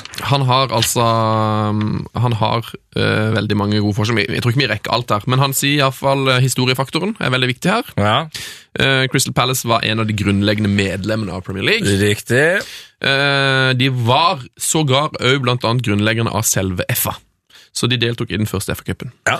Eh, spillerfaktoren. Klassespillet til Mark Bright og Ian Wright. Eh, Sahar, Saha, Jannik Bolassi. Håret til Gareth Southgate. Joggebuksen til Ja. Gabor Kirei. Um, ja, det er mye her. Eh, Norge-faktoren. ja. Eh, han sier at de har jo hatt eh, Norges koseligste spiller, ja, kanskje bortsett fra Tom Høgli. Jonathan Parr. ja, Jonathan, som jeg alltid tenker at det er svensk, men eh, ja. det er Eh, de har Premier. Leagues eneste nordmann, har de vel ikke det? Brede Hangeland. Ja. Um, og så er det stemningsfaktoren som han opp, opp, oppgir Ja. som fjerde grunn her. Veldig god stemning på Sellers Park. Og det var Ja, det husker jeg når de rykka opp, så ble faktisk Altså, da var altså alle Nei, TV 2-kommentatorene måtte påpeke det sånn ti ganger i løpet av en kamp, at stemninga var så sjukt god. Jeg har aldri vært der, men eh, jeg har bare hørt rykter om at det skal være veldig bra der. Og Du det, hører det jo gjennom TV-apparatet at det er god stemning der. og det har jeg begynt å sette mer og mer pris på, sånn uh, stemningsstadioner. For det jeg, jeg må si det, ble litt skuffa når jeg var på Arsenal-Tottenham på Emirates. For Ja. Emirates, banen er for fin, rett og slett. Du tør ikke å, Du er være for, for rowdy? ja, du er litt for redd for å søle kaffe på gulvet, liksom. Tør, tør ikke å drikke deg full før du går på kamp? Nei, nei, nei, du er gal? Er du gal? Skal jo på- besøk til en fransk herre. Har du sett det bildet av, av jakka til Wenger, eller? Det er det gøyeste. Har du sett det bildet av Wenger som verdens første fotballhipster, eller? Når han var trener for Monaco. Når han sitter og sigger i altså noe av det villeste du kan få av uh, joggedresser. Dette har jeg ikke sett, men dette må du legge ut på vår Twitter-konto. Der heter vi P3 Fotball. Følg oss veldig gjerne der. Det skal jeg gjøre. Der finner du òg bilde av Wenger i den ekstremt lange jakka. Ja. Jeg liker også at Magnus tar fram klønefaktoren. Ja, Eh, Det er noe sjarmerende med en uheldig klubb. Uh, Og Crystal Palace' historie er nettopp uh, historien om å reise seg.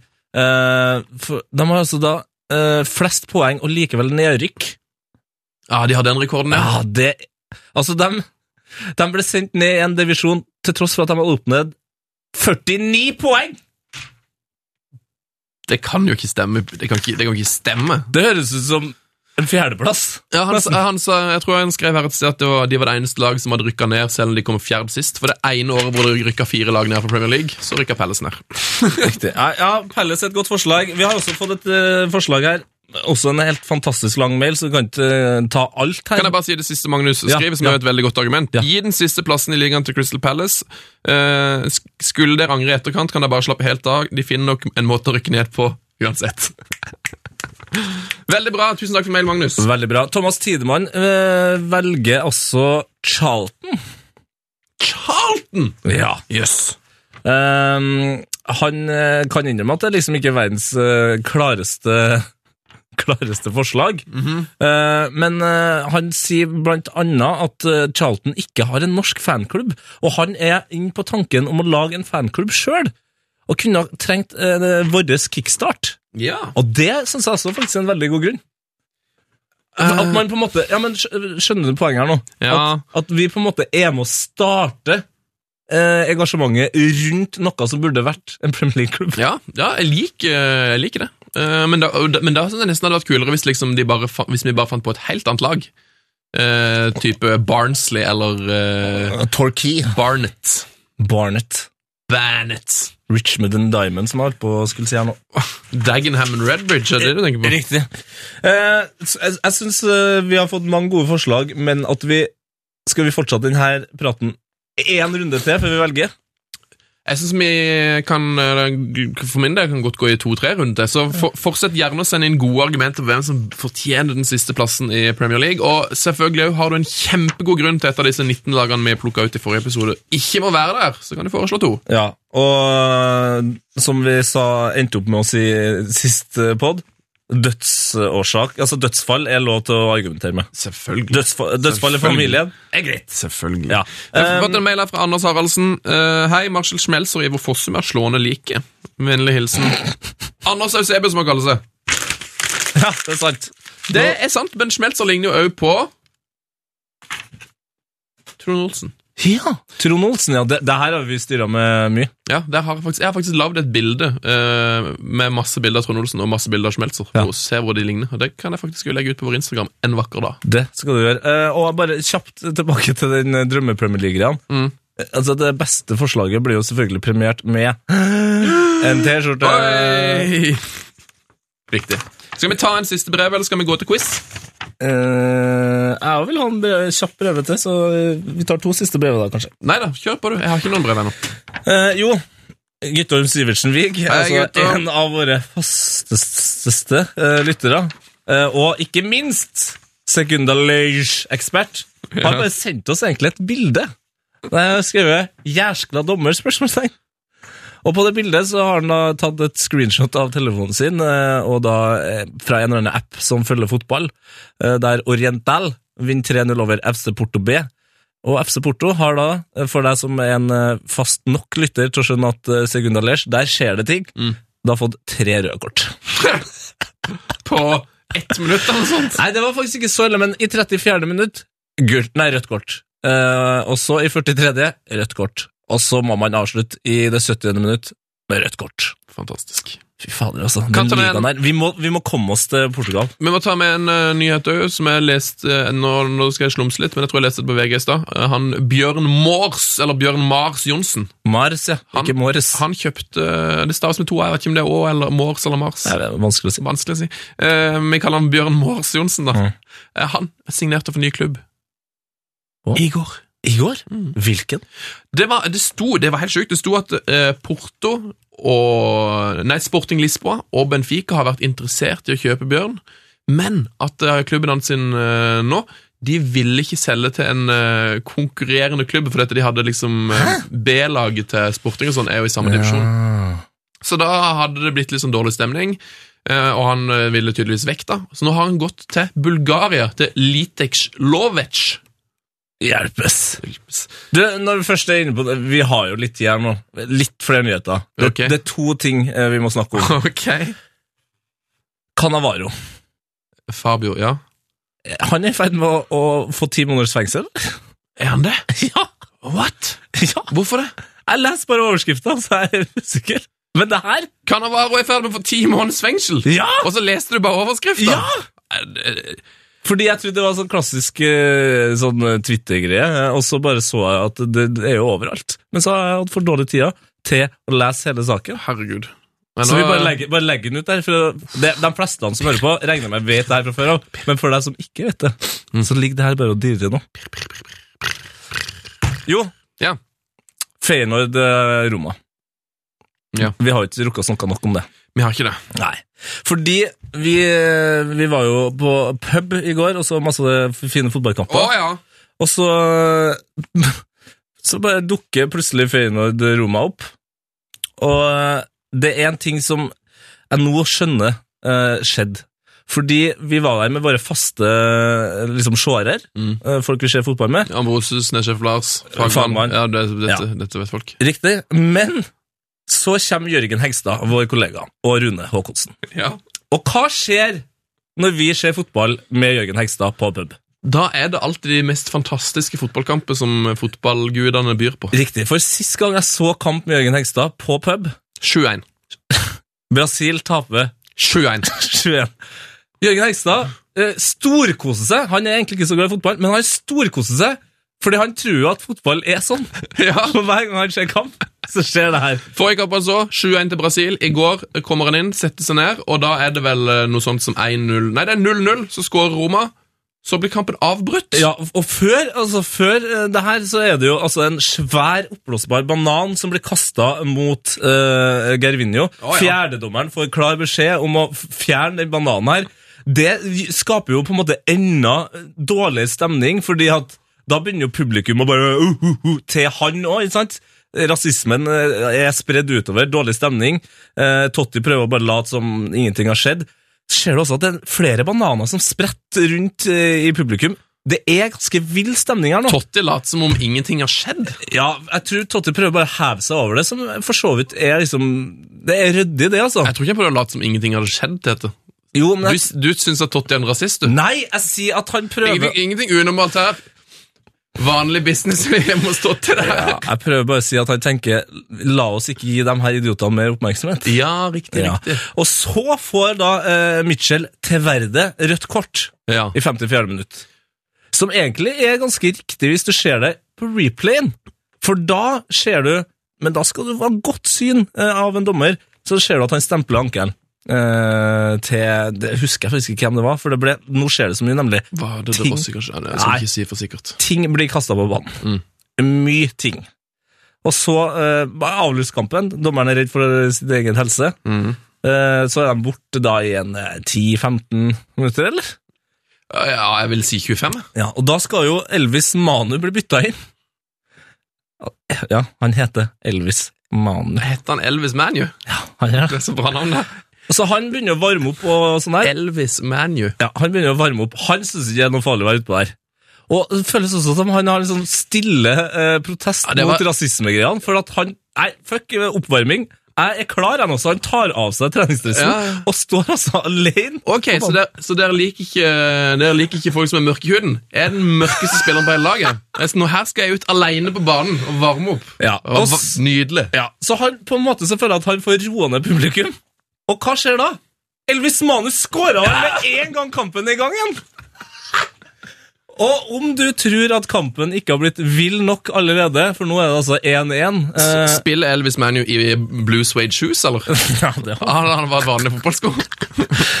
Men eh, som om ikke det var nok, så hvem er det som skårer 2-1 for Roma?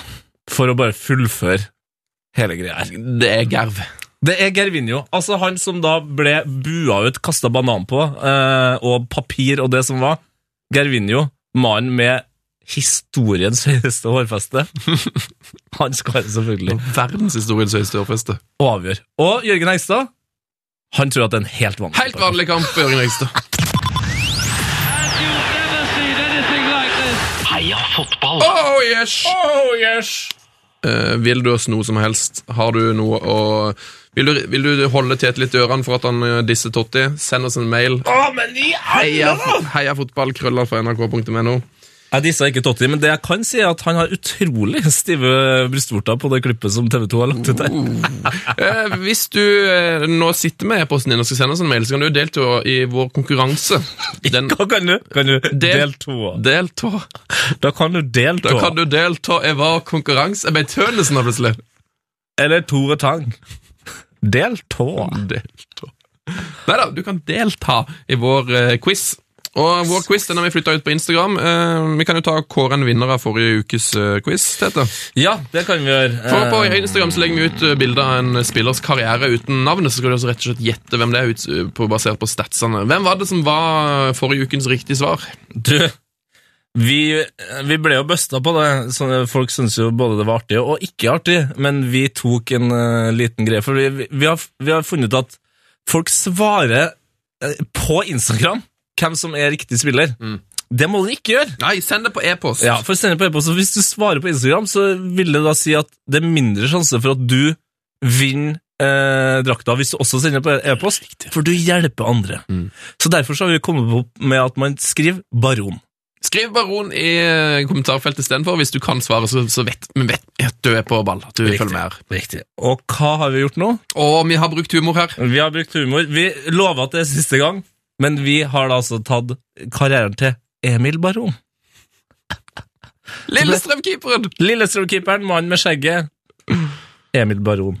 Det var veldig mange som klarte det, og vi fikk jo eh, mange som syntes det var gøy, da. At det var baron eh, som var svaret. Ja. Så husk det, skriv baron. Eh, den, noen ganger er det faktisk riktig. Hvem var det som hadde klart dette? dette? Du, Og som vinner en burgunderfarget eh, eksklusiv Heia Fotball-T-skjorte. Som ofte så bruker jeg å ta eh, eh, random utvelgelse, utvelgelse, altså en tilfeldig utvelgelse, men eh, jeg leste gjennom faktisk alle svarene, Eh, og det er en som har eh, en Insta-quiz med noe attåt, og da tenker jeg at han skal få lov til å vinne. Det er Klaus Sørensen, gratulerer. Husk på å sende størrelsen din, eh, Klaus. Men han har skrevet Emil Baron, tre utropstegn, og så har han skrevet i tillegg. Mulig dere har sett dere, men kan det være selveste gudfaren som mister hodet totalt? Og da har han sendt en link til en YouTube-link altså YouTube av Per Jarle Heggelund, som får rødt kort. Åh, han har det, ja. Veldig morsomt. Men kanskje vi legger ut på Twitter, Jeg tror du Heggelund vil det, da? Vi skal legge ut et rødt kort-video av han på Twitter? Med tanke på at det er han sjøl som har lagt det ut på YouTube, så tror jeg det er greit. Ok, ja, Dette får du ta med Heggelund. Gud, her vil ikke-! Her vil ikke For et her- kort! Dette vil ikke involveres i dette. Gratulerer med seieren, Klaus Sørensen! Heia fotball! Du finner en uh, ny quiz ute på Instagram uh, nå. Der heter vi P3 Heia Fotball. Uh, Samme som Snap, da, eller? Ja! Følg oss på Snap. Hva heter vi, hva heter vi der? Heter vi Peter Heia Fotball? Ja da, ja da. Hvor mange følgere har vi sånn cirka? Mange.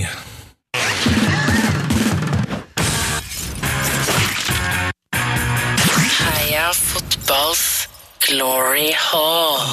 Ja da. Oh, yes! Der Nå den- lener jeg meg tilbake. Ja, Der kom den erotiske stemmen til Adiele fram. Da vet du hva som skjer. Nå er det på tida. Da skal det innlemmes. Yes, Heia Fotballs Glory Hall det er vår uh, lille klubb der vi hyller våre favorittspillere i verdenshistorien. Hvem er det som er der? Batistuta er der. Lloyd Lislevan er der. Floyd Lislevan er Og der. Lloyd Lislevan er der, så gærlig han.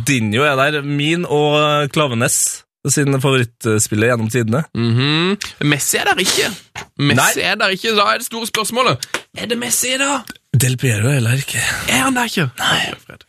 Nei, men det er mange spillere som ikke er der. eh, og heldigvis så har ikke vi tenkt å slutte med det første. Nei da. Så det er plass til flere. Og gjerne send inn Glory Halls. Dere har vært flinke på det, kjære lyttere. Jeg har gutter faktisk lagd en lita mappe her som heter Glory Hall, hvor jeg lagrer det. Som vi har liggende jeg tror, Nå tror jeg snart vi har ti Glory Halls liggende på, Ja. på vent her. Men av og til så må jeg og du også ha våre Glory Halls, bare for å få ut, Få ut litt, ja. Ja, få ut glede. Yes. Og her i går så, så satt jeg og tenkte hvem skal jeg putte inn i Glory Hallen? Å, jeg håper ikke du putta inn Jari Littmann, for han putta inn forrige uke når du ikke var her. Riktig. Men det var ikke han. Men det, var det er en sånn type Ja, nei, det er ikke det. Det er, bare, det er en spiller da som gjør at jeg blir så glad. Er du klar? Yes, jeg er så klar, jeg. Han var født like over ekvator, sommeren 1966. 22 år etter ankomsten til verden spilte han fotball i Europa. Alle gutters drøm, i hvert fall der han kom fra. At klubben han da spilte for ikke akkurat var Tysklands største og mest suksessrike klubb, det spilte ingen rolle. Vår helt hadde et godt lynne, hjerte av gull og et skudd som kunne drepe. På banen så var han arbeidsom og effektiv, og etter hvert hysterisk spektakulær. 59 landskamper, 29 mål. 123 kamper for Eintracht Frankfurt. 68 mål. No biggie! Apropos, Frank apropos Frankfurt. I den stolte tyske byen har vår helt et helt eget hus. Rett ved et av byens travleste jernbanespor er Tonys ansikt og overkropp malt på veggen til ei fem etasjers høy boligblokk. Med sitatet 'Vi skammer oss for alle dem som roper mot oss', malt i rødt over. Sitatet stammer fra et åpent brev Anthony Jemboa skrev sammen med Suleiman Sane og Anthony Bafoe tidlig på 90-tallet, for å heve bevisstheten omkring rasismen som blomstra i tysk fotball. No biggie, liksom. Men la oss ta en tur til Yorkshire i England. Nærmere bestemt Leeds. Ah, På midten av 90-tallet. For det var der ukas gloryholder virkelig skjøt seg inn i fotballhistorien. For Leeds United var nemlig ghaneseren helt spinnvill. 66 kamper, 32 mål, tre hat tricks. Og spesielt tre barbariske mål. En halvvolley med venstre mot Westham, en helaftens volley med høyre mot Liverpool, og en hva i guttens navn volley med høyre mot Wimbledon. Anthony var venstrefot, by the way. Er det sant?! Han er venstrefoting, ja. Og nå så skal han få kose seg i Glorian. Mens jeg, Mandalskameraten min og Lise, da, som ikke er dessverre, og ikke minst du, kjære lytter, skal skrive Tony Jeboa 'goal' i søkefeltet på YouTube. Altså, det, Wow. det jeg kom på i går, nemlig, var at jeg hadde, jeg hadde, jeg hadde en så god helgefølelse. Jeg var bare sånn Den uka her har gått så fort. Nå er det snart helg. Men hva bedre enn å starte helga etter å ha hørt på Heia Fotball, selvfølgelig, enn å gå ut på YouTube og bare skrive Tony Yeboah goal. Det er det beste jeg har hørt. Og mens du ser spesielt på det målet eh, mot Liverpool og mot Wimbledon, ikke glem at Tony Yeboah er venstrefot. Han er venstrefot! Åh, Tetefar, takk for Sveinsteigerfar. nesten halvannen time eh, i fotballens rike. Får jeg en høy femmer? Du får en høy fem. God helg, og ikke minst Heia fotball! Frank de Boer speelt de bal. Heel goed naar Dennis Bergkamp. Dennis Bergkamp. Dennis Bergkamp neemt de bal aan. Dennis Bergkamp. Dennis Bergkamp. Dennis Bergkamp. Dennis Bergkamp. Dennis Bergkamp. Oh! Frank de Boer speelt de bal naar Dennis Bergkamp. Die neemt bal feilloos aan. En ik schiet de bal erin. We spelen nog officieel 20 seconden. Dennis Bergkamp. P3s Heia fotball. Ny episode hver fredag. Last ned din nye favorittpodkast på p3.no podkast. P3.